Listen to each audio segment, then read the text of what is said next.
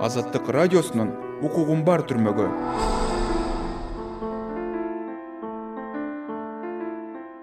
угарман сизге азаттыктын укугум бар подкастынын кезектеги чыгарылышын сунуштайбыз. Бул жолу баткен шаарынын тургуну жашы сексенге чыгып калган пайзилла калилов менен баарлашабыз. Микрофондо мен жеңиш айдаров амансызбы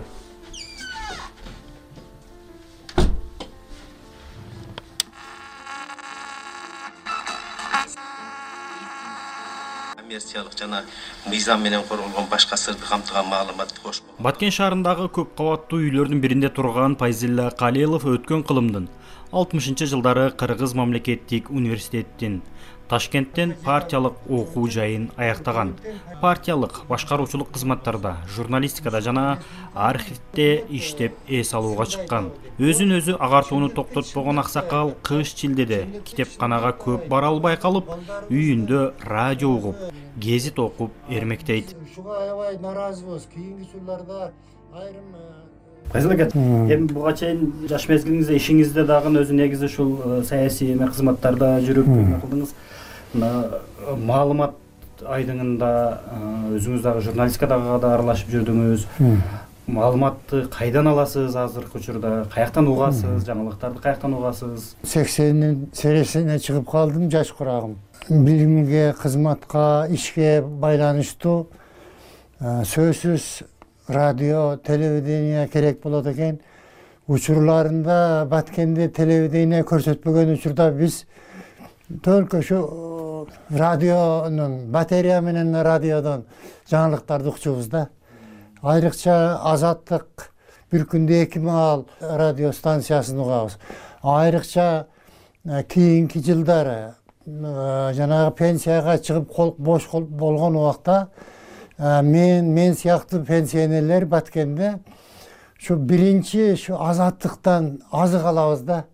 Азаттыкта акыкатчылык чындык коррупция сыяктуу маселелер дагы адеп алкак ыймандуулук жөнүндөгү материалдарды көп беришет. Айрыкча мына жаңылыктарды биз эртең менен э, кечинде азаттыктан угуп алгандан кийин анан кийин телевидениядан башкадан жаңылыктарды бере баштайт да. Биз ошон үчүн азаттык радио станциясыны аябай баалайбыз жаңы тууганның үйүңө келе турган болгон учурда күткөн сыяктуу азаттыктын саатты карап туруп ошо неме уктурууду качан баштайт экен деп күтүп алып туруп угабыз. Мындайча айтканда азаттыктан баардыгы убакыт албасын көп маселелерди аек иштегендерди башкаларды билебиз. Ушунчалык э, жандарын бычактын изине коюп алып туруп чындыкты акыкаттыкты чагылдырып э, жанагындай айрым э, журналисттер өтүп кеткендери азыркы учурда дагы ушу жанагы бир туугандарыбыздын менен учурашып ошолор менен баарлашкандай болуп калабыз да. Ушунусу менен бизге артыкчылыгы бар бүгүн эми өнүгүүдө агартууда орду кандай эми азаттыктын бул маселе боюнча дагы башка радио станцияларды дагы кээде мен угамын айрыкча азаттык азыркы ааламдашуу коомунда азыркы ушунча техникалык же болбосо санарип же жана башка жанагындай техникалардын өнүгүшүнө жараша шайкеш келет да жанагы берген э, кабарлары ушуга шайкеш келип турат да. Анан жанагы суусуну калынган адам анан э, сууну ичип алып суусуну кангандай болуп анан азаттыкты анан эртеси дагы күтүшкө туура келип калат. Э, айрыкча бул адеп алкак айрыкча э, бизге жакканы жанагы коррупция маселелери аябай курч деңгээлде э, чагылдырып атышты да. Себеби аталган мыйзам. Долбоорунда көрсөтүлгөн талаптарды аткарылмас суроолор болсо жооп бергилибиз даяр азаттыктын жамааты өлкөдөгү ар бир ууш кыйышта чек арадагы чыр чыккан учурларда кооптуулукка карабай жеринен маалыматты жеткирип элдин үнүн ал акыбалын кабарлап тургандыгын өзгөчө баалайт ардагер.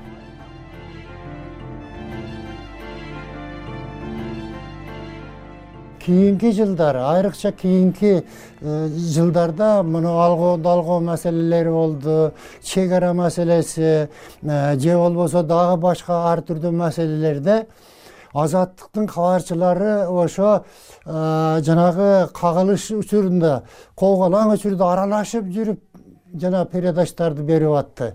Буга биз аябай ыраазыбыз экинчи жагынан мына бул агартуу тармагы маданият искусство маселесиге келгенде дагы булар бир эле жаңылыктарды айтып койбостон ошо жанагы искусстводогу маданияттагы адабияттагы айрыкча жанагы акындын передачтары кыргыз тилин өнүктүрүү боюнча э, кыска кыска аңгемелерди берген э, передачтар аябай бизге жагат. Анткени анткени мына агартуу тармагы кийинки учурда аксап жүрөт. Ачыгын айтыш керек аксап жүрөт эгемендүүлүктү алдык биз эркин болдук абы? деп дардаңдап эле көчөгө чыгып жанагындай сүйлөп бирөөдү жамандап бирөөдү каралап абы деген учурларда ушунда дагы азаттык эки тарапты да бирдей алып ошолордун да пикирини берип салыштырып анан угуучуга эме дейт да неме өзүңөр жыйынтыгын чыгаргыла деп. Ушул жагынан айрыкча мына бул агартуу тармагындагы маселелерди айтсак жанагы азаттыкты адабий китепти окуштан же дагы ушундай маселелерди угушуга караганда э, телефонго көбүрөөк э, көңүл буруп кетишти да. Биз ата мекен үчүн кызмат кылабыз деген менен адамдын ички дүйнөсүндө болуш керек да. Адамдын ички дүйнөсү бай болсо канчалык ошончолук мамлекетке дагы ата энесине элге кызмат кыла турган болот. Э, илимий техникалык прогрессти биз канчалык өстүргөн менен өстүрөбүз деп аракеттенген менен. Тарбия иши таалим тарбия билим берүү иши артта калгандан кийин биз максатка жете албайбыз. Ошон үчүн экөөнүн тең параллель бирдей алып кетиш керек да. Анан эми ушул эгемен өлкөнүн түптөлүшүндө коомдун бир өнүгүшүнө азаттык салым кошо алдыбы эми мен теле радио башкаларды сындагандан алыс эле болоюн бирок азаттыктын өзүнө келип пикирди айта турган болсок ушу республиканын экономикалык идеологиялык таалим тарбия башка маселелерди өнүктүрүүдө азаттык радио станциясынын салымы аябай чоң. Анткени булардын жанагы мен мурда айткандай булардын э, э, кыска учур болсо дагы передачтарда ушул багыттарды ушул э, жанагындай жерлерди өксүк жерлерди жанагы айрымдар өкүнөт э, сындайт абы деп. Бирок чындыкты чындыктай айтат да.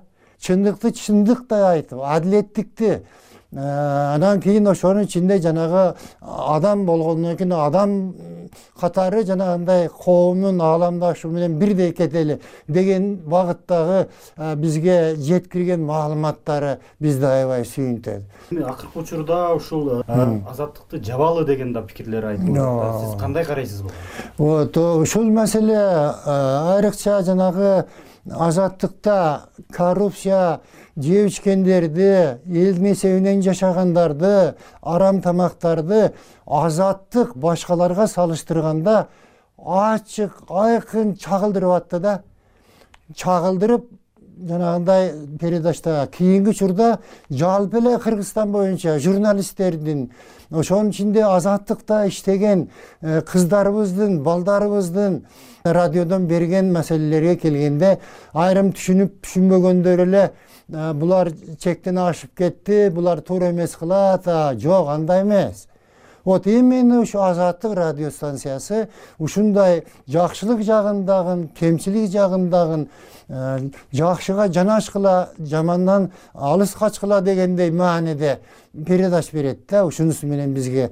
Биз ушуга аябай нааразыбыз. Кийинки учурларда айрым э, э, журналисттер камалып калып атат айрымдары жанагындай үй камагы дейт же болбосо дагы башка ушундай бут тоскон бир учурлар болуп атат. Бизге караманча каршыбыз. Мисалы үчүн мен элдин жалпы элдин атынан эмес жанагы пенсионерлердин карыялардын пикирине ушу айтышка туура келет. Ушу азаттык э, радио станциясына жанагындай бут тосуу э, айрым передачтарды чыгарбай коюу же болбосо күнөө ак жерден э, жанагы токтогул сатыл ак жерден торго чалынтпай ушуларга кайрадан жардам берип ушуларга мүмкүн болушунча шарт түзүп биргеликте иштесе мамлекетибиз азыркыдан дагы өнүп өрчүп кетмек да сын жанагы салижан жигитов деген биздин бир агайыбыз айтты эле. От дегенен ооз күйбөйт эй чындыкты чындык айткыла деген тарбия алганбыз.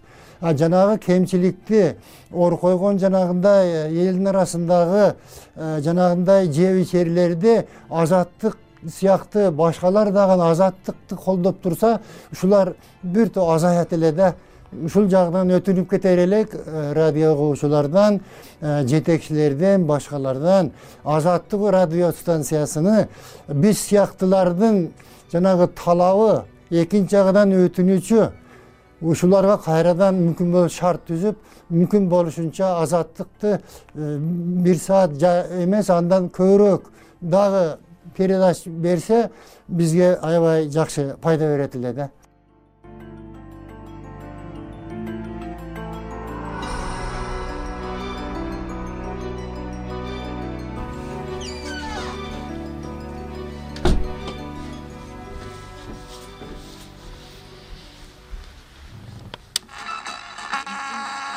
жана мыйзам менен корголгон башка сыртты камтыган маалымат кош эгемендүүлүктүн калыптанышына жемкорлуктун кыскарышына адеп ахлак маданият жана адабиятка салым кошуп коомду агартууда орду чоң азаттыкка тоскоолдук кылбай. Тескерисинче шарт жаратуу мамлекетке да элге да пайдалуу болот эле деген байзилла аксакал азырынча текчедеги эки радиосу аркылуу ааламдан кабар алып турат кээде гана үйүндөгү үч небересин эшикке алып чыгып таза аба жутканы болбосо дээрлик үйдөн чыкпайт экен.